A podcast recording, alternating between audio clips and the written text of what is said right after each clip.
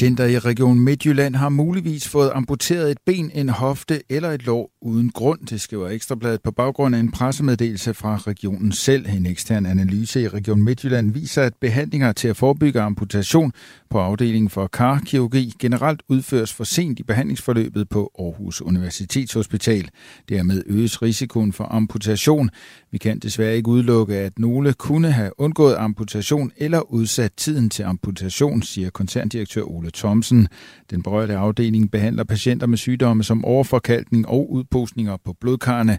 Patienterne kan søge om erstatning. Vi orienterer nu karkirurgiske patienter, der har fået amputeret benet ved hofte, lår, knæ eller underben inden for de seneste år om deres erstatnings- og klageadgang, siger Ole Thomsen. En fremtrædende forsker ved Sydafrikas Nationale Institut til forebyggelse af sygdomme siger, at der ikke er tegn på, at en udløber af coronaviruset omikron fører til flere tilfælde af syge. Landets sundhedsminister oplyste tidligere i dag på et pressemøde, at Sydafrika kan være på vej ind i en femte bølge af smitte med covid-19. Men Følge forskeren er presset på de sydafrikanske hospitaler ikke steget hverken i form af indlæggelser eller brugen af ild til syge. Omikron spredte sig, spredte sig i december til Europa og resten af verden fra det sydlige Afrika. Viruset er stærkt smitsomt, men mindre farligt end tidligere varianter. Landets sundhedsminister siger, at der har været en vedvarende stigning i antallet af smittede over de seneste to uger. Det kan være tegn på, at Sydafrika bevæger sig ind i en femte bølge med smitte, siger han. Det er en tendens, som Verdens Sundhedsorganisation WHO bekræfter, men der er ikke konstateret et stigende antal døde med covid-19. Sundhedsministeren siger, at han ikke er blevet informeret om nogen ny variant af covid-19, kun om mindre forandringer i den dominerende omikron-variant. Sydafrika er det land i Afrika, der har registreret flest smittede og døde med covid-19. Der har været 3,7 millioner smittede og over 100.000 døde. Dansk Folkeparti vil indføre en obligatorisk national undervisningsplan, som alle danske folkeskoler skal undervise i. Det fremgår af partiets nye store folkeskoleudspil. Det skriver Skolemonitor. I dag har lærerne og skolerne en høj grad af frihed til selv at bestemme, hvad eleverne skal lære, men Dansk Folkeparti ønsker, at 75 procent af undervisningen bliver defineret gennem et såkaldt kernepensum. I en global verden med fremmede kulturer og svære valg er det vigtigt, at man ved, hvem man selv er. Derfor vil vi skabe et kernepensum, så de unge mennesker kan møde det fremmede og det nye med en selvbevidsthed, der faciliterer en nysgerrighed, siger Morten Messersmith til Skolemonitor. I Danmark er der ikke tradition for et fast pensum, men det er der eksempelvis i Storbritannien, hvor Dansk Folkeparti har hentet inspiration. Lægeforeningen ser med stor alvor på det opråb, ni østdanske ortopædkirurger er kommet med til politikken. Her lyder det, at op mod 25.000 patienter, der er svært plaget og har behov for komplicerede operationer, skal vente længere tid end andre på at blive opereret. Det skyldes, at den voksende pukkel samt prioriteringen i sundhedsvæsenet har skubbet dem bagerst i køen, og at sundhedsvæsenet indirekte favoriserer almindelige kirurgiske indgreb på bekostning af de mest krævende, lyder det. Det er et meget alvorligt opråb, der kommer her, og vi deler bestemt bekymringen siger Camilla Ratke, der er formand for Lægeforeningen. At nogle patienter er vanskelige at operere skyldes blandt andet, at de samtidig lider af andre sygdomme, påpeger hun. Eksempelvis kan en patient, der skal opereres for voksendeformiteter i ryg, samtidig lide af luftvejsproblemer eller hjertekarsygdomme. Og det betyder, at de ikke har samme mulighed for at benytte sig af behandlingsgarantien, mener Camilla Ratke. Det handler alene om, at man styrer efter tid og at man jo, hvis det offentlige sygehusvæsen ikke kan operere inden en, en inden for en given tidsramme, så har man mulighed for at få øh, behandlingen i det private i stedet for. Men det kan man jo kun, så frem det private har tilbuddet, og det kan man også kun, så frem man ikke har tilpas meget andet sygdom, der gør, at man for eksempel er svær at bedøve eller har værtrækningsproblemer i en særlig grad. Hun mener derfor, at en del af løsningen kan være at differentiere behandlingsgarantien. Sådan så, at vi trods alt, når vi har stillet diagnosen, kan tage stilling til, at der måske er nogen, der har lidt hurtigere behov for behandling end andre, øh, uanfægtet hvor hurtigt de bliver udredt. Dagen i dag bliver tør med nogen eller en del sol, i perioder dog stedvis mere skyet, og i løbet af eftermiddagen mulighed for enkelte lokale og lette byer. Vi får temperaturer op mellem 10 og 15 grader ved kyster med pålandsvind lidt køligere. Det var nyhederne på Radio 4 i studiet Thomas Sand.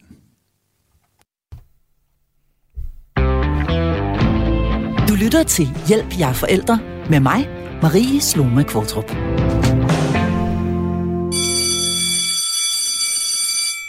På mandag starter en ny generation af børn i skole. Eller de starter jo faktisk i SFO, hvor øh, de så skal gå i månederne frem til sommerferien, og så starter de i skole til august. At forlade institutionslivet og begynde en helt ny hverdag er stort for små mennesker. Rigtig, rigtig stort. Og det kan altså afføde mange reaktioner, når alt pludselig er nyt og helt anderledes end det, man var vant til i børnehaven. Og det er ikke kun en overgang for børnene. Det er også en ny hverdag for os forældre. Og lige præcis det skal vi tale om i dag, hvor jeg er flankeret af to faste medlemmer af mit panel, nemlig børne- og ungepsykolog John Halse og lektor i pædagogik Jesper Kort Jensen. Du kan, ganske som du plejer, de næste 55 minutter skrive ind til os med et spørgsmål eller en kommentar. Det gør du ved at skrive R4 først i en sms, og så ellers bare sende afsted til 1424. Velkommen til Hjælp, jeg er forældre. Og allerførst, så kunne jeg øh, tænke mig at øh, spørge øh, øh, jer to øh, paneldeltagere her. Hvad er egentlig sådan den grundlæggende forskel på børnehave og skole? Nu kigger jeg over på dig, Jesper Kurt. Ja, den grundlæggende forskel er jo, at nu er de her børn blevet store. At ja. nu skal man forlade et rigtig, rigtig trygt børnehavemiljø, og så skal man over i noget andet. Og jeg øh, synes simpelthen, din timing i dag den er så god, Marie. Fordi jeg kommer lige, fra, jeg kommer lige ned fra, fra mit barns børnehave, hvor øh, man har store farveldag i dag. Fordi mm. i dag, der skal vi sige farvel til alle dem, som skal til over på skolen og være. Og man kan jo mærke, når man kommer ind i sådan en institution, hvordan det bare sidder.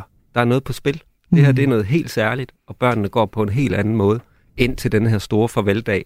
Fordi nu skal der til at ske noget. Mm. Så der er ikke nogen tvivl om, at den der forestilling, vi har om skole, det der skole, hvor de små børn har set deres store søskende, og nogen har set nogle andre børn, der er sådan en enorm, nærmest mytisk opfattelse af, at det her skole noget. Og nu er det altså lige om lidt, nu er det på mandag. Mm, og det er altså en øh, stor overgang, måske også en af de største overgange i øh, små menneskers liv, når de forlader institutionslivet, John Halse, og altså bevæger sig over i skolen. Hvordan vil du som psykolog definere den største forskel på det, det liv, de forlader, ja, så det, og så det, det, de starter på nu? For det første vil jeg sige, at man kan jo håbe på, at det netop bliver overgangen, og ikke brud. Altså, at det er en helt ny og anden verden kommer vi måske tilbage til. Ja. Men ellers så må, så må man sige, naturligvis så det helt objektive, det synlige, det er en væsentlig større institution.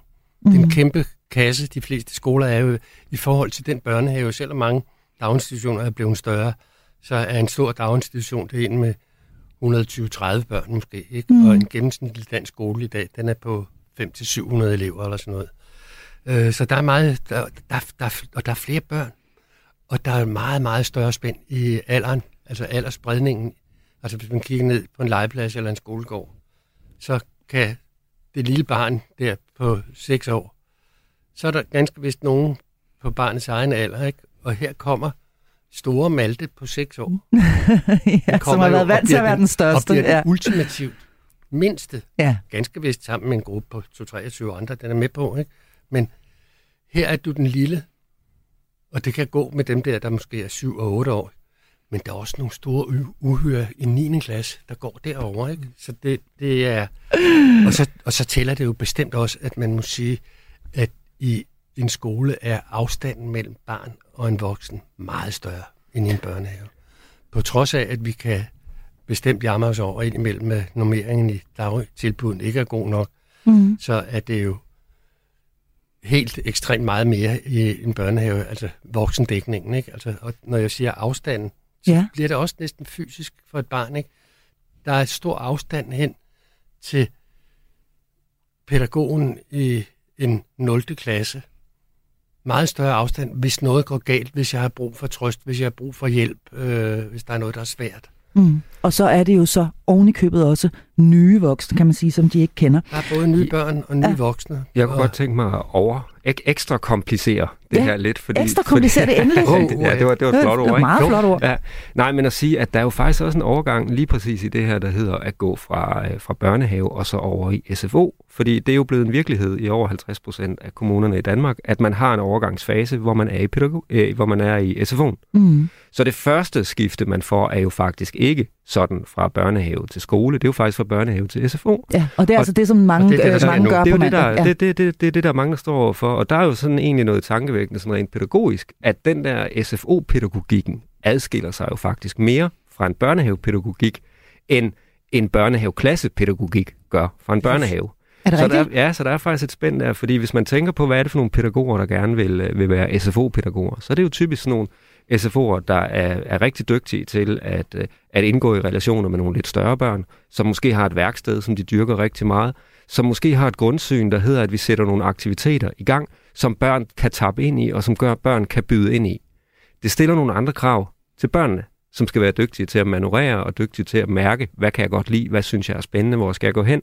Så det stiller nogle, den type pædagogik stiller en andet, nogle andre krav til, hvor selvstændigt tænkende børn er, eller, eller hvad det, det, det miljø, der er, det er en anden type miljø. Så der er noget her, man skal være rigtig, rigtig opmærksom på ude i institutionerne, at SFO'erne skal i en periode være rigtig dygtige til at omstille sig og være mere børnehaveagtige, mm. end det egentlig falder dem naturligt. Så der er sådan en sjov overgang her faktisk, som er en ny konstruktion, som vi ikke ved ret meget om, som er nogle steder 3-4 måneder, hvor man er i det her, hvor man går fra en type pædagogik over til en helt anden type pædagogik. For i virkeligheden er overgangen fra børnehave til børnehaveklasse, den er egentlig sådan mere skræddersyet, fordi det er jo sådan, at den er tænkt, den er opfundet som brobygning. SFO'en er en ny konstruktion, og det, det, det, det øh, stiller nogle krav til SFO-pædagogerne, at de er dygtige til det der. Og det tror jeg, man har fået mange gode erfaringer med rundt mm. omkring, men det er sådan to pædagogiske mm, forskellige syn. Jeg har egentlig lyst til lige at spørge, hvorfor er det egentlig, man har valgt denne her? Nu siger du i over 50 procent af landets kommuner. Hvorfor er det egentlig, man har valgt denne her, skal vi sige, mellemstation? Altså, hvor børnene ikke kommer direkte fra børnehaven, og så øh, starter de første skoledag i august. Hvor, hvorfor har man valgt at gøre det på denne her måde egentlig? Hvad er tankerne bag? Jeg tror, det er en blanding af økonomi og pædagogik. Okay. Altså, det, det, det, det er dyrere at lave børnehave, end det er at lave SFO helt grundlæggende. Men der er altså også noget, noget, noget pædagogisk i det her med, at man øh, får en, en glidende overgang. Altså man har jo for, for år tilbage fandt man ud af, at det her skolestart, det er vigtigt. Mm. Dem, der kommer godt igennem skolestarten, klarer sig generelt set bedre i tilværelsen. Altså man har simpelthen fundet ud af, at her skal der sættes ind. Så har man prøvet med alle mulige forskellige modeller. Men det man sådan har fundet ud af, mere end 50 procent af kommunerne, det er, at det fungerer godt for dem både praktisk og sådan logistisk og pædagogisk med den her SFO-mellemløsning. Så det er egentlig noget, der kommer sådan lidt nedfra, kan man sige, efter der er kommet stort fokus på det oppefra. Så har man prøvet sig lidt frem. Og, og et eller andet sted, så giver det jo også god mening, synes jeg, at, at man er trygge. Altså, som børn, så lærer man at blive tryg ved det, der sker, når man forlader sin skoledag og skal ned i det der lidt vildere SFO miljø. Ja, som jo, som jo lidt er det, det, det vilde vesten, ja. faktisk, for nu at sige det ja, ærligt. Det, ikke? Altså, det, der er 200 børn eller sådan Alle, der har været i en SFO, ved jo, at det kan være ret kaotisk i ja. perioder. Og ret svært at finde sit barn, for eksempel også. Så måske giver det faktisk god mening, at børnene ja. bliver trænet i, i at manøvrere i det miljø, mm. inden de kommer over i børnehaveklassen, som jo sådan er lidt det samme som børnehaven, bare med en, med en dårligere bemanding og, og med nogle lidt nye, nye krav til, til læring. Og så handler det vel også om, John Halse, at man øh, faktisk øh, har fokus på klassedynamik, tænker jeg, at man har fokus på, hvad det er for nogle børn, man sætter sammen i hvert fald der. Jeg har selv et barn, som havde sidste dag i børnehave i dag, øh, efter øh, farvelfest i går med, med, med ballonger og, og dansegulv og det hele, og det hele er, som du siger Jesper Kurz, øh, sindssygt spændende og sidrende, og jeg ved ikke hvad. Men det handler vel også om, altså der hvor min søn starter, der bliver de delt ind i nogle farvegrupper, Øh, og så ser man ligesom børnene an og kigger på dem, sådan så man bedre kan danne klasserne. Så det handler vel i virkeligheden også om dynamik, og det er vel en god ting, eller hvad, øh, John Halse, okay. at, man, at man får sammensat klasserne ordentligt fra starten? Ja, det er klart, for det, og, og det, er jo, det, er jo en, det er jo en udfordring, hvor man, man kan sige, tidligere tider, der, der var det sådan tilfældigheden, der rådede, ikke? Altså, ja. det, det bum, bum, vi skal tilstræbe lige mange drenge og piger, og det er så det, ikke? Præcis. Hvor vi jo i dag allerede i børnehaven opererer med, når man her er fire øh, børn, der skal hen på den samme skole. Mm. Altså, det er et plus, det ved vi også noget om. Det er et plus for børn, hvis de kommer over i på mandag i en SFO, sammen med to-tre, bare, bare, bare der er en, men to-tre stykker, som de kender over fra børnehaven, mm. så, så kan det sådan være, kunne du sige, den trygge kuvøse til en start, ikke? Det er en tryghedsfaktor for hvor, hvor man så bokser sig videre ud. Ikke? Og det er klart, at man, man har fokus på, på på det sociale liv. Det har man jo også haft i børnehaven, men, men, nu, men nu skal man jo starte ligesom forfra, fordi børnene kan komme fra flere verdenshjørner, der nu er inde i, øh, i den her SFO. Mm. Hvor man jo så må håbe, at den SFO har en, et klart begreb om, hvad for nogle børn skal gå i hvilke klasser. Ja. Så man kan begynde at arbejde med dem på den måde. Og det er, som Jesper også er inde på, det, det er i hvert fald min erfaring, når jeg har været ude og lave oplæg for og kurser for medarbejdere i, i SFO'er. Det er ikke en given ting, at SFO-medarbejdere er indstillet på, at tingene skal være så struktureret.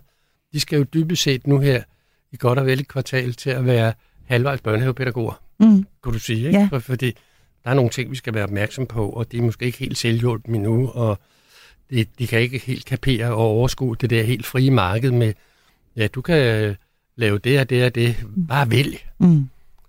Hvis ikke man vil have sådan nogle børn, der vandrer fra den ene aktivitet til den anden, og ikke kan sådan holdes fast i nogen af dem, så skal der jo også være nogle, så skal der jo være en bemanding, der både handler om kvalifikationer til at arbejde med den børnegruppe, der jo er mm. lidt yngre, end de ellers ville være, ikke? Men der skal også være kapacitet og mange af dem er jo altså faktisk kun fem år, bliver seks der. De starter ja. jo i det, øh, i det øh, kalenderår, hvor de, øh, hvor de øh, øh, fylder seks, så det er små børn. Jeg har lyst til at spørge dig, Jesper Kurz, hvad er, kan, du, kan du sige noget øh, sådan øh, overordnet om forskellen på sådan det pædagogiske grundsyn, øh, som hersker i dels øh, institutionerne og så i skolen? Altså, hvad er forskellen? På det pædagogiske grundsyn? Jamen, man kan sige sådan helt øh, sådan, hvis man kigger på sådan en dansk børnehavetradition, så, øh, så er vi jo sådan en, øh, vi er jo inspireret meget af nogle tyskere, blandt andet Frøbel, som, øh, som, som danner børnehave i Danmark, og sådan bliver en af de tænkere, vi sådan rigtig meget trækker på, og der har vi jo det her med, med sådan en del voksenstyret aktivitet, men også med en hel del fri leg. Altså det er jo ikke, hvis man kommer ind i en dansk børnehave i dag, så er der jo ikke aktivitet på aktivitet på aktivitet, men der er en del voksenstyring. Vi har en samling, hvor vi taler med børnene typisk, og så sætter vi nogle aktiviteter i gang, som er tilpasset den børnegruppe, vi har nogenlunde, og så er der ellers fri leg i, øh, om eftermiddagen. Så det mm. er sådan en, en, en lejende skole, men med en hel del voksen observation og, og, og styring, kan man sige. Og når man så kommer over i, i skolen, så er skolen jo et, et mix af flere dannelsesidealer. Nu er det jo ikke nok længere kun at kigge på, på barnets udvikling og sociale trivsel og fantasi måske. Nu kommer der nogle andre krav. Nu er der nogle flere dannelsesidealer i spil. Nu skal vi også til at lære noget, nu skal vi til at være selvhjulpne, nu skal vi være dygtigere til at træffe selvstændige beslutninger. Der er sådan en hel masse andre ting, der bliver lagt ned. Og vi skal ned. sidde stille. Og vi skal sidde stille, vi skal disciplineres, ja. vi skal ja. disciplinere til andre, vi skal lære at disciplinere os selv. Der er sådan nogle helt andre øh, pædagogiske idealer, der, der træder frem, og som de voksne begynder at styre efter. Så der er sådan, der, der, det er, der, der er forskellige ting på spil her, men sådan. De steder, hvor det fungerer godt, synes jeg sagtens, man kan lave de der, de der glidende overgange, og der er rigtig mange steder, hvor, hvor børnehaveklassen fungerer godt, som det den er skabt til, nemlig den her, et, en bro på et helt år. Man kan så sige, det gør så bare, at der kommer et skift mere i virkeligheden, ikke? At ja, der i, så i også kommer et skifte ja. fra børnehaveklasse til første klasse. Og der, der ved jeg da fra, fra mit, min egen søn, at det var faktisk sådan på en måde et større skifte. Fordi der bliver det sådan en rigtig skole. Altså så, i første klasse? Ja, i første klasse. Ikke? Så der er jo sådan flere omstillinger. Vi har faktisk lavet sådan tre-fire store omstillinger på et år for de små børn. Og ikke? det er jo derfor, at det jo rent faktisk kan give mening, mm. når man prøver at lave nogle grupperinger, nogle aktiviteter på tværs af de der indskolingsklasser. Ikke, ikke kun borget af, at øh, børn udviklingsmæssigt er forskellige steder, altså det ikke er alle seksårige, der er samme sted, men også båret af, at øh, så er nogle af de aktiviteter, det, det læringssyn, kunne man sige, og den indlysende, meget skarpere målstyring, der er i en skole, at den alligevel, og det kan man så begræde, at det er sådan, men at den for alligevel får lov at stikke sit grimme fjes ned i børnehaveklassen også mm. som den jo også har gjort i børnehaven, hvor man jo ikke er fjern, øh, helt verdensfjern i forhold til begrebet læring heller. Det er mm. også mere formel læring. Mm. Og det handler jo om at give børnene til, til det næste trin, og det, jeg tror, det er jo sådan, man må tænke, at en børnehaveklasse, som jeg bedre kan lide at kalde den en 0. klasse, men sådan er det så blevet. En børnehaveklasse, ja, den, den skal danne overgangen til, til noget af det andet. Ikke? Men, og, og der i ligger jo også, det skal sådan være fremadpegende mod, hvad, hvad sker der på det næste, hvad er det, vi laver på det næste trin? Så det er i virkeligheden sådan etappeinddelt, men altså dermed jo altså også flere overgange for vores børn. Og hvis man mm. kigger på det sådan lidt groft, så kan man sige, så er der faktisk tre ret store overgange mm. inden for relativt kort tid.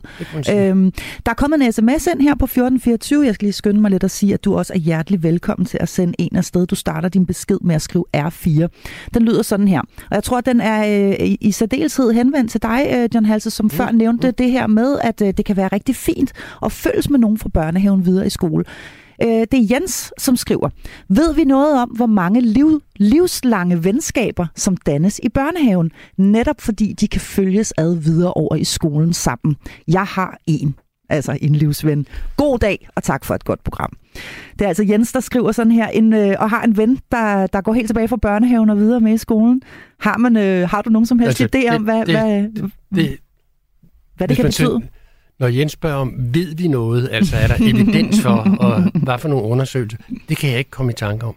Nej. Men Jesper var inde på det før, at der er ingen tvivl om, at det hænger sammen med, kan man sige, senere trivsel og senere øh, adfærd og evne til at modtage læring og så videre. Hvordan du trives i skolen hænger sammen med, hvordan, hvordan du har det socialt. Det hænger det sådan set mere sammen med, end om du får de rigtige faglige udfordringer. Ikke at det ikke er vigtigt, det er klart, men hvis man kigger sådan på, hvad gør, om jeg trives, det er, om jeg har det, vi andre vil kalde en god ven. Mm. Og det er indlysende, at nogle af de venskaber etableres på den måde, det nu er i en, i en børnehave. Mm. Og det er lige så for mig indlysende, uden at vi ved noget om det. Man skal bruge sådan den almindelige psykologiske viden så er det da indlysende, det både skaber tryghed, og det skaber øh, robusthed øh, at have. Det gør det jo for alle mennesker. Børn er jo også en slags mennesker, skal vi huske på. det, skaber, ja, det kunne man finde på at sige i gamle dage.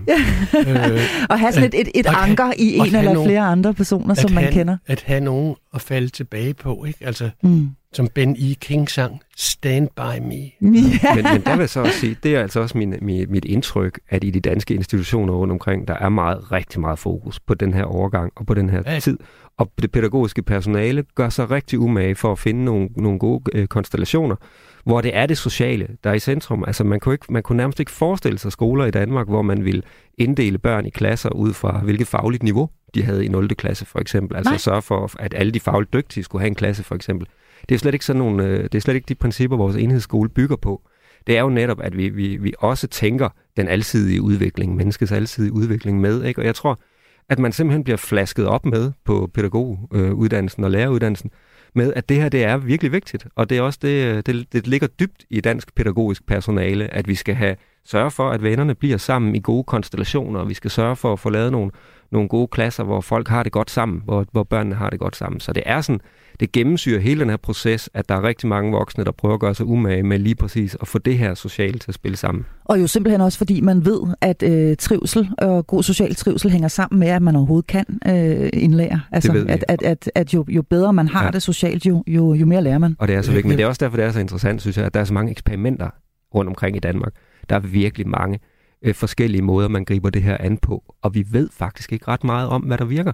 Vi kan bare se, at der er flere og flere og flere, der vælger den her SFO-overgang. Og mm. det er jo nok fordi, at man har nogle gode erfaringer med det, men vi ved faktisk ikke så meget om det. Mm. Det kunne så være et emne for et forskningsprojekt. Ja, og der er også nogen i gang, men det er bare så svært at måle, fordi ja. der også er så kæmpe store geografiske forskelle og altså lokale forskelle rundt omkring. Så det, det er voldsomt svært at måle på. Det, der fungerer det ene sted, det er ikke sikkert, det fungerer det andet sted. Mm. Og man kan sige, at, at kommunerne gør jo virkelig meget ud af og det kunne være en støtte til de pædagogiske medarbejdere, både i dagtilbud og i skole, at lige præcis ikke sige, nu skal vi have her, der er elitebørnene, de kommer derhen, og her er de dumme børn, de kommer derhen.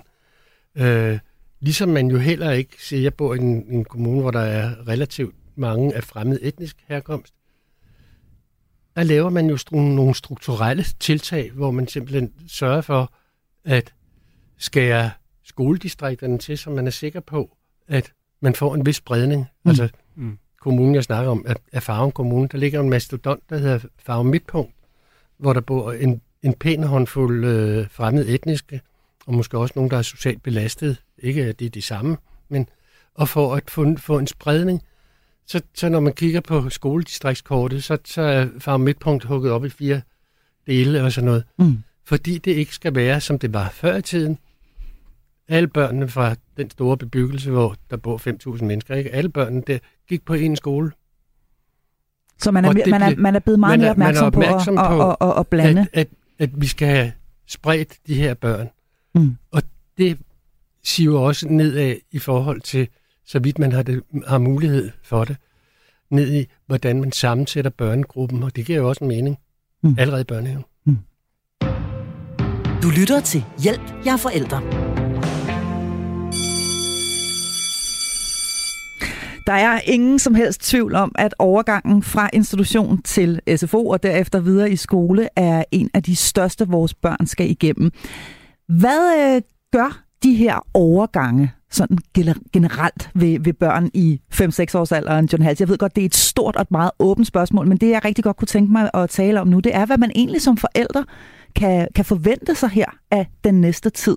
Fordi øh, man har et barn, som man kender rigtig, rigtig godt. Min egen erfaring er, at lige pludselig, så kan det her barn faktisk reagere ret kraftigt i forbindelse med, med, med en, en overgang, som det her det jo er.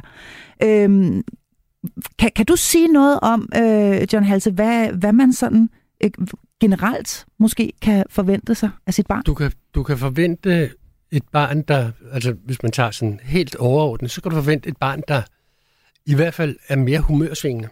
Ja. Øh, gå fra det øh, glade, opstemte, fordi Eva er det spændende, og Eva er det sjovt, og Eva er blevet stor noget. ja. Som jo så kan blive afløst af, ja, Eva er stor, men jeg æder med mig også den lille herovre i den her store, som vi var inde på før. Ikke? Mm. Øh, og humørsvingningerne, ja, det går, det går lige fra det der opstemte too high, her kommer jeg, øh, til øh, måske indadvendthed. Du kan opleve som forældre øh, et tavst barn. Du kan også opleve, at øh, dit barn bliver meget øh, vredt, altså aggressivt over noget, hvor du måske sidder og tænker som far eller mor, hvad skete der lige her? Mm. Jeg sagde jo næsten ikke noget. Men det er jo så et udtryk for, at barnet tumler med, med hele det der, hele det der nye, den der nye verden, det har bevæget sig ind i. Mm. Og sådan er det jo, og man kunne næsten sige, at det her er jo en af livets, som barnet jo ikke reflekterer på, men som vi som forældre og medarbejdere skal reflektere på. Dette er jo en af livets forudsigelige overgange. Mm. Ja. It's, it's bound to happen. Ja, det vi, sker. Vi, vi ved, det kommer. Ja. Der, øh, og derfor skal du så som for, forældre, punkt 1, forvente og også være rummelig over for de der humørsvingninger, et, et barn kan være i. At nogle gange op og nogle gange nede. Og være parat til ja, at prøve at, at, at snakke det ned. Ikke? Og, mm. og mit råd til, til forældre, når børn reagerer sådan noget med skolestart, hvad, fordi det, det er jo næsten det næste spørgsmål. Hvad er det, jeg så skal gøre? Mm. Du skal i meget høj grad, højere end måske, da det bare kørte over i børnehaven, skal du være tilgængelig for dit barn. Hvad mener du med det? Altså, hvad mener du med at være tilgængelig? Vær parat til at snakke ja. og, og øh, anerkende de følelser, som barnet har, og sige, jamen, jeg kan godt forstå, det, det er også svært, og det er også øve, og øh, og sådan prøve at få ro på bagsmækken, som man jo har som, som opgave som forældre. Sådan, og, mm. og, og ja, ja, det er svært, men vi, vi, vi kommer igennem det, og vi skal nok klare det sammen, og er der andre børn, der har det på samme måde? Ved du noget om det? Og... Ja, men nu, altså, nu kan jeg bare gribe i egen barm, og jeg sender mit, øh, det, det er det fjerde barn, jeg sender afsted i skole nu her på mandag. Jeg vil sige, et af mine børn, hun var simpelthen rasende øh, i et ja. halvt år. Hun var simpelthen så æder spændt og rasende. Hun holdt åbenbart øh, sammen på sig selv og var øh, sød og kunne det hele hen i skolen. Men fra det øjeblik, jeg hentede hende, og til hun kom i seng om aftenen, der var hun simpelthen bare så vred. Men det var ikke noget, hun kunne sætte ord på, fordi samtidig hører det jo også med til den alder, aldersgruppe, vi taler Klart. om her, at de jo ikke nødvendigvis er bevidste om, hvad det egentlig er, de reagerer på. Ja. Øh, så det at have en, øh, en, en, en samtale, det kunne jeg i hvert fald ikke med min datter på det her tidspunkt. Jeg kan sige, hvad er det, du er så vred over, skat? Hvad er det, du er så ked af det over? Hun var bare vred.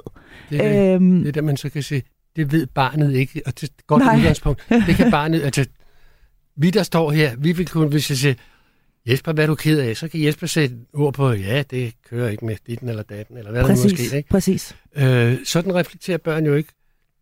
Det er jo rigtigt, når, når, når vi siger, hvad er der galt? Det ved jeg ikke. Mm. Eller det kan være lige meget, eller hvad det nu er, ikke? Og der skal man jo så som forældre også være opmærksom på, at man ikke kommer til at pumpe barnet. Og det er det, jeg mener med at være tilgængelig. Det er at være opmærksom på, hvad er det, dine børn sender for nogle signaler. Mm. Og hvor, hvor jeg altid vil sige til, til forældre, der hvor du skal i hvert fald, ikke måske røde, men i hvert fald tænde nogle gule lamper. Det er der, hvor dit barn, hvor, hvor du måske tænker, den glade Sara, jeg havde for et halvt år siden, hvor fanden er hun blevet af? Mm. Altså den der, hvor man, ja, hvor, hvor man, man simpelthen kan kende, hvor, genkende hvor, hvor man igen. simpelthen ja. kan se, at reaktionsmønstrene er, er meget anderledes. Og så må man selvfølgelig tage en snak med, med medarbejderne over i SFO'en. Så der er, der, man kan sige, det er fuldstændig normalt, og det er forventeligt, at ens barn reagerer, som du siger, med humørsvingninger, måske med ja. vrede. Grådlabilitet, tænker jeg også er en af dem. Øh, nu vil jeg ikke lægge dig ord i munden, men jeg tænker vel også, at de bare også er trætte. Altså sådan rent øh, ja, det, det, kognitivt og det, fysisk også det, er trætte. Det er øh, klart. Altså, ja. det, det, det, det, de, de er på hårdt arbejde. Netop. Og, og, og, og man kunne næsten sige, med et IT-udtryk, som næsten sige, måske neurologisk er der ved at være fil overload, ikke? det, det vil sige, det, det, jeg kan ikke øh, holde sammen på alle de her ting. Men man kan måske også prøve, at, altså ja. man kan måske også prøve at sammenligne det lidt med, hvordan man selv har det, hvis man skal skifte arbejde. Præcis, eksempel, jeg sad lige og tænkte på man det. Er, ja. man, er, man er voksen, man er bevidst, man har reflekteret over det, man har tænkt det til hudløshed, man har set det for sig, man har været derhen og kigget på arbejdspladsen, man har man ved alt, hvad der skal komme til at ske, og alligevel så er man ikke 14 dage før og 14 dage efter, fordi man er mega spændt, og man er, man er alt muligt. Ikke? Omstillinger er voldsomme for, for mennesker. Vi er vanedyr, vi hader det, vi kan ikke lide det, vi kan ikke fordrage det. Her kom, men, og, med, og voksne mennesker ved endda, hvad det er. Ja. Børn ved selv, ikke, hvad det er. selv valgt det, ikke? Jeg kan, ja. huske, jeg kan huske første gang, jeg havde, jeg havde min, min, min ældste søn med ud at rejse, for eksempel, ikke? hvor vi var på den anden side af jorden på et tidspunkt, og da han havde sovet, og så da han vågner op i klapvognen første gang og kigger ud, og alt er anderledes, og menneskerne ser mærkeligt ud, og alt det der. Han vender sig bare rundt, lukker øjnene, kigger ind i klapvognen. Ikke? Han anede ikke, at verden var større end Roskilde. Det var et chok for ham. Ikke? Ja. Og det er også sådan, jeg tror, vi skal tænke på det her, at, at, at de ved godt, de skal i skole. De ved noget om, hvad det er, fordi de har set noget på Ramachan, og de har talt med nogle ældre søskende og sådan noget. Men, men mange af dem, de ved jo ikke rigtigt, hvad det er, for de har ikke, de har ikke rigtig nogen opfattelse af tid og størrelse, rum og den slags. Det er, det er nogle perceptioner, det er nogle opfattelser, som er abstrakte. Og når de så står der i den dag, der er blevet talt op og talt op og talt op, mm. så er det altså, jamen, som John siger, jeg synes, det er så fascinerende det der med, det er måske den dag i et menneskeliv, hvor man er størst og mindst på samme tid.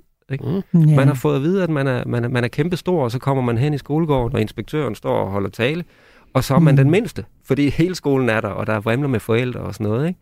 Og det, ja, det, der, der er så mange interessante ting på spil. Det er altså stort. Jeg, jeg kommer til at tænke på, at, at øh, sådan en klassisk øh, pædagogisk og også lidt sådan sociologisk tænkning, øh, der har man beskæftiget sig med, at børn, mennesker dybest set også, altså voksne, vi har behov for, hvad er det udtryk, progression, altså hen til det spændende. Mm. Lille Oscar skal i skole, det er enormt spændende, det driver ham frem til det der nye udfordringer og sådan ja. noget. Men det modsatte af progressionen er jo regressionen, det er at trække tilbage til, det er jo det, når dit barn vender hovedet den anden vej. Ikke? Det, det ind i mig selv, ind, der, der er noget, jeg kender. Ja. Når, når det andet bliver for meget. Og, og det er jo så en, en opgave for de pædagogiske medarbejdere, at der skal også være tid til og rum til, at børnene kan, kan man sige, vegetere i det, de kender. Mm. Der kommer forældrene og hjemmet på banen, for det, det repræsenterer jo i den grad, her er tingene, som de plejer at være. Ja. Altså når, når barnet kommer hjem. Og kan dermed ja. blive en sikker sådan, base, som vi jo i en klassisk psykologi vil sige, øh, til enhver tid forældrene skal være den sikre base ikke, for, for børnene. Øh, her bliver det sådan meget tydeligt.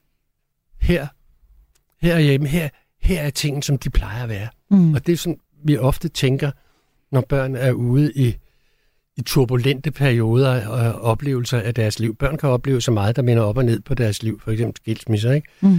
Øh, der, der vil vi jo også sige som psykologer, okay, hvor er tingene så, som de plejer at være? Ja, det bliver så lige pludselig skolen eller børnehaven. Det bliver så den sikre base. Det er der, de kan trække sig tilbage og være, hvem de plejer at være. Ja, og have et frirum i virkeligheden. Ja. Mm.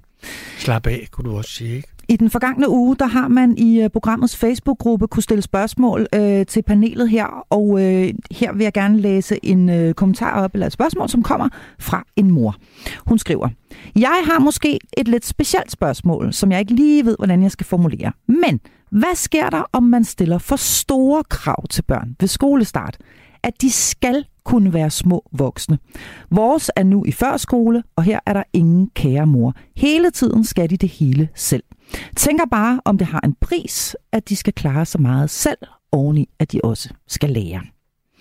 Og øh, hvad, øh, kære panel, Jesper Kort Jensen, lektor i pædagogik og børne- og ungepsykolog John Halse. Mm. Hvad vil I svare denne her mor, øh, at øh, på, på, på hendes udmærkede spørgsmål her? Har det en pris, at de pludselig skal klare så meget selv? Til et kort svar, og det meget korte svar, det er ja, der kan bestemt blive stillet for store krav. Ja. Det er, der, det er der ingen tvivl om.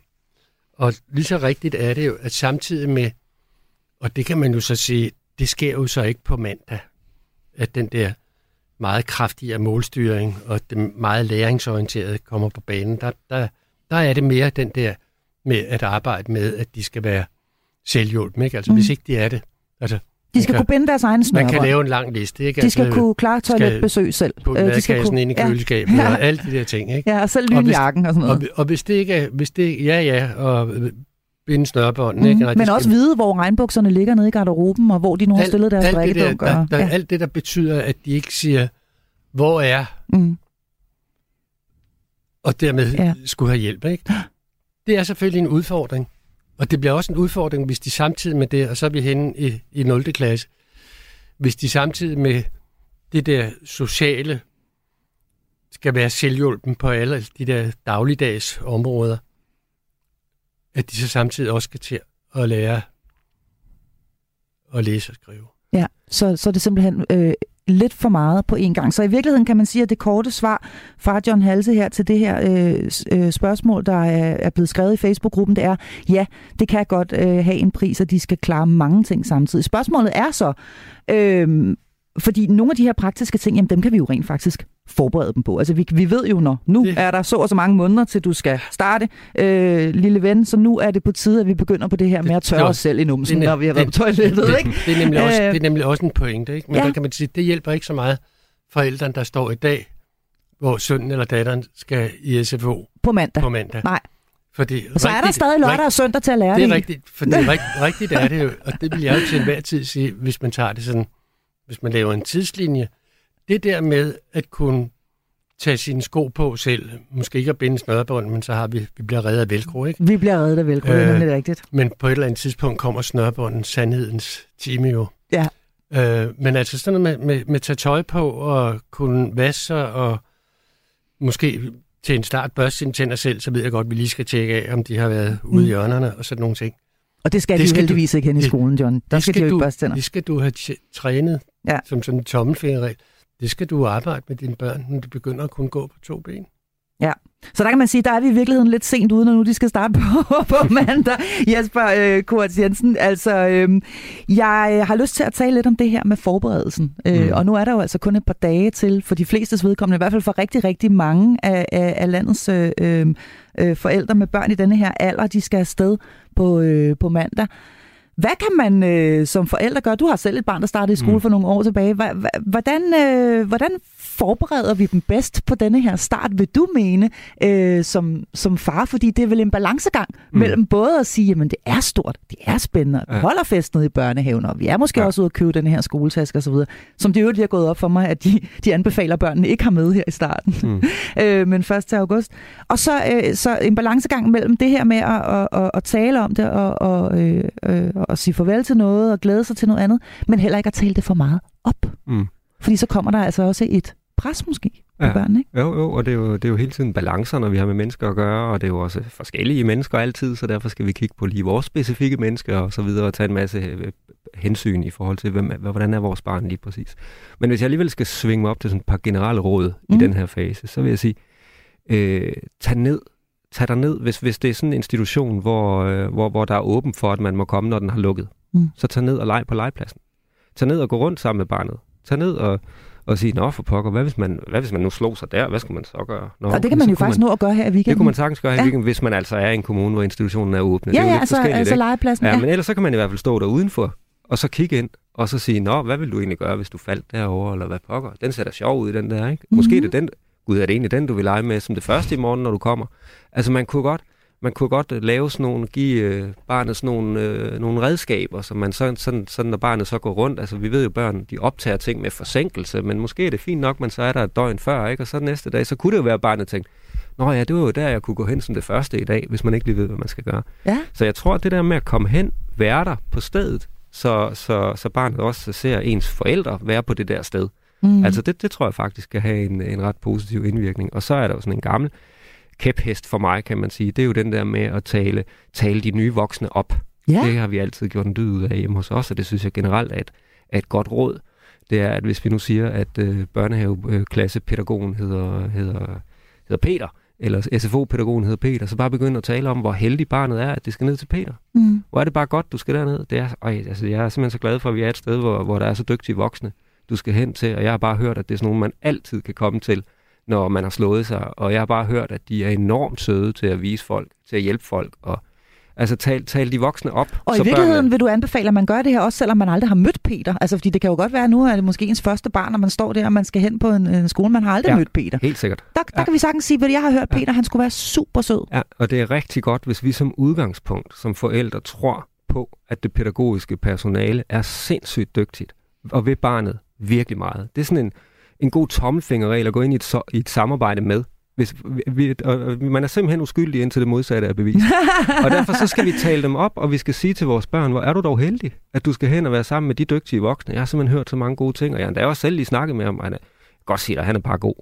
Fordi hvis barnet får den tryghed med, at hold op, hvor mine voksne stoler på de voksne dernede, ja. så giver det også en tryghed, når man skal ind i det der. Fordi der kommer til at være perioder, hvor man er usikker, og hvis man så har de to ting, at man for det første ved, hvor man skal gå hen, jeg skal hen på den gynge der, det har vi jo snakket om, Hmm. Og for det andet ved, at de voksne kan jeg roligt gå hen til, hvis jeg er hmm. utryg. Så kan Fordi man min være far og mor siger, at de er, ja. at de er rigtig søde. Man skal ikke undervurdere, hvad børns opbakning til pædagogisk personale betyder. Det er voldsomt vigtigt for børnene, at de føler sig trygge der. Og der må man også nogle gange tænke som voksne, synes jeg, det er jo sådan en gammel, ja, det, det er sådan noget, jeg siger tit, ikke? Det, det, det. Men selvom der er ting, de voksne gør derhenne, som man ikke lige synes var super fedt, og sådan ville man ikke have gjort det. Lad være med at tale med barnet om det bak dem op, bak dem op, bak dem op, indtil du ikke kan mere, og bliver nødt til at tage en snak med den voksne osv. osv. Mm. Men det der med, med, med forældre, der bakker pædagogisk personale op, det er virkelig vigtigt. Det giver en stor tryghed ja, i barnet. Tror, er du enig, John Halsen? Det, det tror jeg er af, et, en afsindig vigtig pointe, og det mm. er, hvad enten vi snakker medarbejdere i dagtilbud eller i, i skole. Og der er min erfaring nemlig, at når, når forældre er, altså, gør sådan nogle ting, som du snakker om, vi, vi tager hen og besøger og kigger og gør ved, og mm masser af forældre, jo også når børn skal i, i, i børnehave, går rundt og kigger på de børnehaver, der kunne være aktuelle, selvom de ikke har frit valg. Og mm. Min erfaring er, at der er rigtig mange forældre, der har en skepsis, som, som let kan komme til, hvis jeg kunne bruge det udtryk, socialt at smitte børnene. Altså, ja, ham Peter der, ikke? Mm. Og det kan jo være nogle små bemærkninger, og det kan være nogle øjekast, forældrene fyrer af til hinanden mm. og sådan noget børn på 5-6 år, de har opfattet her, at der er øh, dobbeltbein. Det kan godt være, at far siger, at Peter er rigtig sød, men han siger det på en forkert, øh, forkert tonefald. Ja, vi skal mene noget. det. Mm. Ja. Vi skal simpelthen mene det, når du vi siger det. Du skal ja. gå all in, og så skal du huske som forældre, når nu du måske af gode grunde kunne være, øh, kunne være utilfreds med noget. Det er så en snak på et eller andet tidspunkt, du må tage med den pågældende medarbejder og med SFO-lederen eller mm teamlederen øh, i indskoling, hvad ved jeg. Men i hvert fald men, ikke, når barnet men, hører det? Ikke, ikke med barnet, og man skal jo tænke på, at vores standarder for, hvad der er god pædagogik, er jo nogle helt andre end børnenes. Altså jeg har sådan helt aktuelt, mit ene barnbarn skal skifte børnehave, øh, og så er forældrene ude og kigge, øh, kigge på nogle forskellige børnehaver, og så, så siger Malte der, der er fem år, Ja, det er en fed børnehave her, eller det, det er en fed legeplads, her vil jeg gerne være. Mm. Mens forældrene sådan, øh, ikke er, er negative, men sådan, skal lige se an, og hvem er de voksne og sådan noget. Mm. Hvor jeg jo så siger til min søn og svigerdatter, skide hvad med det? Hvis børnene, hvis børnene er glade, så kan det godt være, at de ikke lige lægger vægt på den eller den pædagogik, som du synes er ideel. Det må man så tage nogle snakker om. Men man må prøve at tage måling på. Mm. Smiler han, når han kommer hjem over fra SFO'en? Det, eller det, er det, det eller er virkeligheden er, et, Eller er det kun... Ja, det er et godt kvalitetskriterium. Mm. Altså, altså er ens barn glad, når man er, henter? Er han glad, ja. eller, eller er vi ja. for meget ude i de der følelsesmæssige svingninger, vi snakker om Og ens barn kan sagtens have det helt fantastisk med nogle voksne, som man som forældre overhovedet ikke vil svinge med.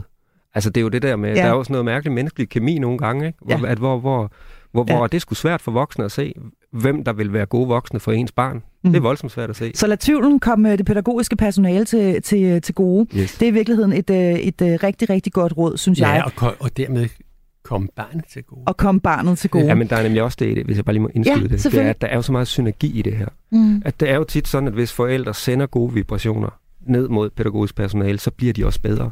Og så, så gør vi hinanden gode mm. på den måde. Ikke? Altså, mm. det er jo, og vi viser dem tillid i virkeligheden i, på den i, måde. I relationsarbejde, der smitter vi hinanden helt utrolig meget. Mm. Godt, vi skal altså lige nå at tale om, fordi det er jo en ny hverdag. Vi kan forvente, at vores børn kommer til at reagere osv. Vi kan forberede dem så godt, vi nu engang kan. Øh, men det er altså også en helt ny hverdag, der venter os forældre. Og især vil jeg sige, øh, jeg har været der, hvis det er ens første barn. Det er nærmest øh, noget af et chok, fordi man, øh, jeg kan i hvert fald huske, at jeg kom og afleverede mit første barn, og en af de første dage skulle hente hende igen dernede på SFO'en, og siger, øh, øh, ja, jeg skal hente øh, øh, Agnete. Og så står der en eller anden, der siger, hvordan er det nu lige, hun ser ud? Hvordan hun ser ud? Altså, øh, jamen hun er sådan, hun er vel halvanden, halvanden meter høj, og så har hun øh, øh, røde, røde, røde krøller. Så vidt jeg husker, har hun en pink kjole på i dag. Hende ved jeg sgu ikke lige, hvem er. Men prøv at kigge ud på legepladsen, ikke? Altså, så, så, så der er et eller andet i det her med, og det, altså, det, det føltes voldsomt utrygt, at, øh, at, at, at komme og hente hos øh, et, et pædagogisk personale, som simpelthen ikke anede, hvem, hvem pokker mit barn var. Øhm, hun havde det fint og, og hang i et træ et eller andet sted ude, men hun kunne jo i princippet lige så godt have siddet et sted og været ked af det. Og ja. det er jo den fornemmelse med, det er det, man kan blive det, urolig det, for øh, som, som, øh, som forældre, det er, når nu de ikke ved, øh, hvem ens barn er, og, og, og der i øvrigt er så utrolig mange børn, har de så overhovedet hånd i hanke med, hvordan mit barn har det i øh, løbet af dagen. Hvad er, øh, hvad vil jeres øh, råd være, hvis I skulle sige noget om? Nu har I begge to, du har været der mange gange og for mange mm. år siden, John Halse, øh, og du er der stadigvæk jo nu som forælder. Mm. Altså hvis vi sådan ligesom skal forventningsafstemme med os selv, mm. øh, som, som forældre til et øh, skolebarn. Hvad kan vi så forvente af, af, af, af, altså af tilbagemeldinger, og hvor meget, hvor, meget, øh, hvor meget får vi egentlig i forhold til, hvad vi har været vant til i børnehaven? Ja, der, på den konto går det jo desværre løbende ned ad bakke. Ja. Det må man jo bare sige, at vi starter fra, på et helt ufatteligt godt udgangspunkt i vuggestuen. Så bliver det lidt mindre i børnehaven, og så bliver det mindre og mindre, og så til det eksempel, som, som du, øh, du beskriver der. Ja, ikke? Og indtil børnene kommer i overbygningen i skolen. Ja, så, så, så, så så sker der lidt igen. Når de skal til at vælge fag. Ja, og... ja men der er ja, mange år ja, til endnu, ja, ikke? Så, så sker der lidt igen, og ja. jeg synes igen, altså som vi lidt snakkede om før, så synes jeg som forældre, så skal man gå ind i det der, du, du siger og sige, nej, hvor er det dejligt, at mit barn bare er ude at lege, allerede er blevet tryg ja. med det her. Ja. Altså det, at, at, at det er det mindset, man ligesom skal have, og det, det, det er sådan, man skal tænke det, fordi der er ikke tid til, til, til den samme... Øh, til, til den samme overlevering og den samme daglige briefing, og, og sådan skal det heller ikke være. Sådan er det. Så man, fordi... man kan altså som forældre ikke regne med, at man kommer ned, og så får man at vide, jamen nu skal du høre her, Anson, han spiste ikke så meget af sin madpakke. Det skal, det skal, og, det skal ikke regne med. Nej, og, og her til, til, til formiddag har han malet, og så har han dut, ja. og så har han været ude på legepladsen i cirka tre kvarter, og så videre. Men han var lidt træt omkring klokken to. Ja. Altså den, den, den, den, den form for tilbagemelding får man ikke. Du har lov til at forvente en tilbagemelding, hvis dit barn mistrives. Okay. Men 95 procent af tiden, der kører det jo bare. Og du skal netop ikke regne med, at her får I en tilbagemelding, at øh, det går sådan og sådan, og han har, og kunne jeg, kunne jeg ikke lige ude på legepladsen snakke med et par pædagoger hen over en kop kaffe? Glem det. Vi skal, vi skal stoppe med at se på hver dag som en præstation, og mere sammenligne det med, når vi, når vi selv er på arbejde. Altså det er ikke, øh, så, sådan er en arbejdsdag, og man, man gør en masse ting, og det ene og det andet, og, og sådan er det, og, og så kommer man hjem med det her nye barn, og så spørger man, hvad har du lavet i dag? Og så siger barnet ikke noget. Eller det kan jeg ikke huske. ja, det er og, det må man bare, og det må man bare finde sig i, og ja. håbe på, at barnet på et tidspunkt har lyst til at fortælle om sin dag, og, og, og, og, og hvad barnet laver. Altså, så, og så har man jo ovenikøbet nogle redskaber i dag, så man kan gå ind og kigge på ugeplanen, og man kan kigge på skemaer, og man kan det ene og det andet, så man kan stille nogle ledende spørgsmål. Men jeg synes, man skal bare slappe helt af i det der. Et barn, der siger, ikke noget, og det ved jeg ikke, men i øvrigt virker glad og tilfreds. Det er sådan set godt svar. Det er sådan set rigtig fint, fordi så er man i nuet. Man er i gang med noget andet. Man har ikke tid til at beskæftige sig med, hvad der sker helt tilbage i, for to timer siden. Så man skal i virkeligheden, fordi man kan sige, at der er jo en høj grad af dokumentation og så videre i børnehaven, og man er vant til at få sendt sms'er og billeder, og jeg ved ikke alt muligt andet, og, og, og ved præcis, om nu har lille Tut altså sovet i en, en time og 43 minutter nærmest. Ikke? Altså det er jo nærmest ned på minuttet. Man ved, hvad de får at spise, og alle de der ting. Så man skal i virkeligheden her øh, lave det første, skal vi sige, cut i, øh, i navlesnoren, ja, og, og, og der... ligesom sige, jeg ved ikke, hvad mit barn har lavet i dag. Og jeg det aner fint, det ikke. Fordi børn må også godt have noget privatliv. Ja. Børn må godt have noget, børn må godt lave nogle ting og have nogle konflikter og have nogle lege og sådan noget, som der ikke er nogen voksne, der har set, og som der ikke er nogen voksne, der blander sig i. Det er ganske fint. Det er ganske udmærket, ja, så vi skal, sige, vi skal slappe lidt af. To, der, jeg ved man kan sige, der er to lag, men man kan sige, den ene ting, du i hvert fald ikke kan forvente som forældre, det er, at du får den der næsten daglige, fyldige beskrivelse af øh, følelsesmæssige udsving og trivsel mm. og social, og hvem har han leget med, og sådan nogle ting. Det kan du ikke forvente. Til gengæld ved vi jo, at skolens info til forældrene er jo systematiseret. Du kan gå ind på Aula. En hver medarbejder i skolen har en forpligtelse til at skrive, eller det, det, og det står til stor diskussion, ikke? Ja. Om det er overinformation, og om det bare bliver ligegyldighed ja. og sådan noget. Ikke? Det skal vi lave et helt program ja, om. det er, næsten, det er nemlig en, en, en historie for sig. Ja. Men givet er det jo i hvert fald, hvis du godt vil vide den der med, hvad, hvad laver de, når de kommer over i et 0. klasse? Hvad laver de, hvornår og sådan noget? Og dermed vil være klædt på til at stille, stille de der ledende spørgsmål. Øh, så er det hey, altså jeg kan se, muligt havde, at få den information. Jeg kan se, I havde øh, noget med... Øh, billedkunst eller et eller andet. Hvordan var det, og hvad lavede I, og sådan nogle ting, ikke? Og mm.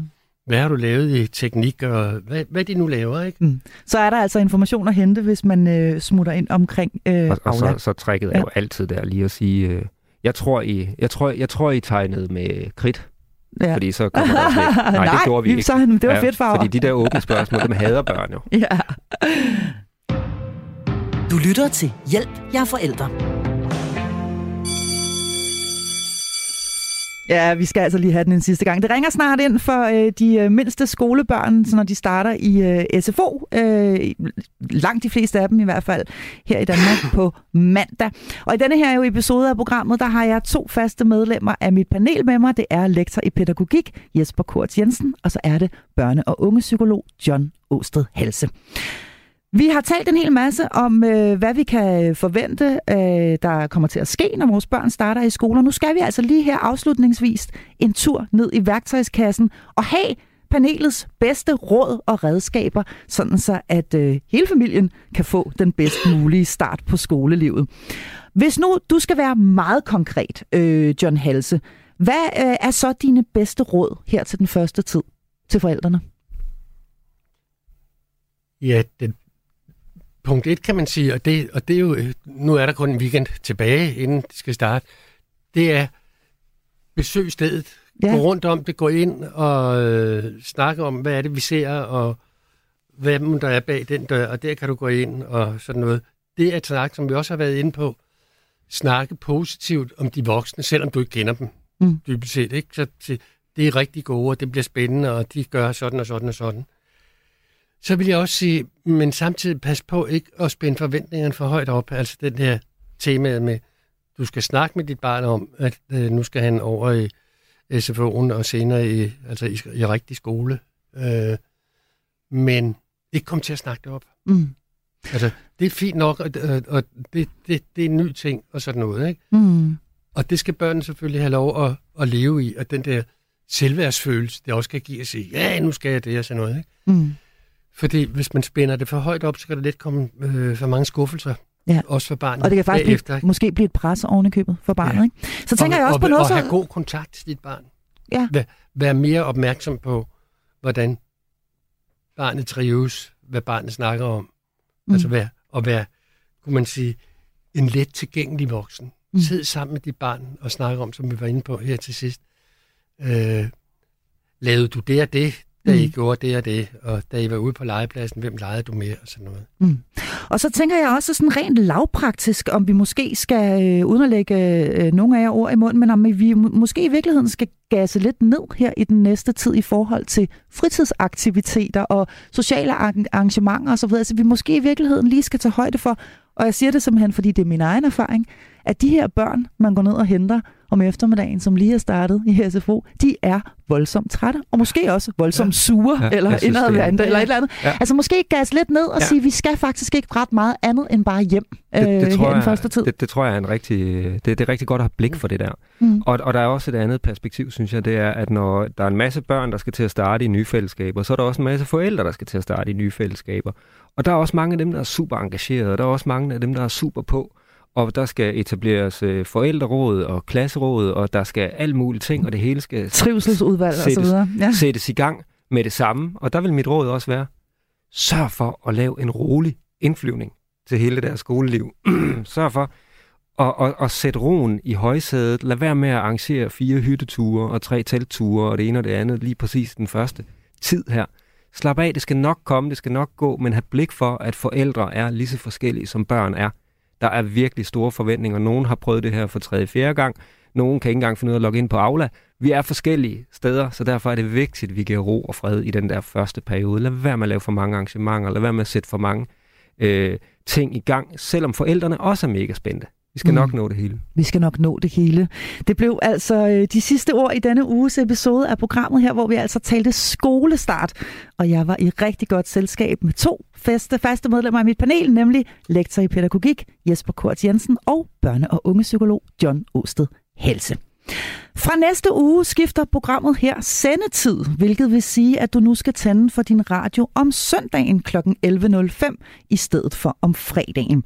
Og ellers, hvis ikke du øh, hører det i radioen, så finder du, du det stadigvæk lige præcis der, hvor du plejer at hente dine podcasts. Mit navn er Marie Sloma Kvartrup. Rigtig god weekend. Det er tidlig morgen, men jeg er stået op for jeg kan ikke sove, der er uro i min krop. Jeg har glædet mig så længe, og tasken står parat. Jeg tager mit bedste tøj på, og så er alting klar. Første skoledag, første skoledag. Solen skinner på min kind, og jeg tager tasken af med et trylleslag er der sang og flag, for det er min allerførste skoledag. Hende i min klasse finder jeg min plads med navneskilt på bordet, så jeg føler mig tilpas. Og far og mor går ud igen, og så skal vi i gang. For nu går vi i skole, og vi starter med en sang. Første skoledag, første skoledag. Solen skinner på min kind, og jeg tager tasken af. Med et trylleslag, her er der sang og flag. For det er min allerførste skoledag. For nogen børn er fødselsdag den allerbedste fest.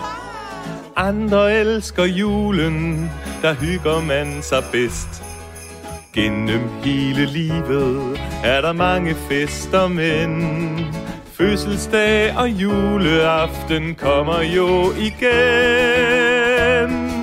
De helt specielle dage er der ikke mange af. Og derfor er der ingenting som første skoledag.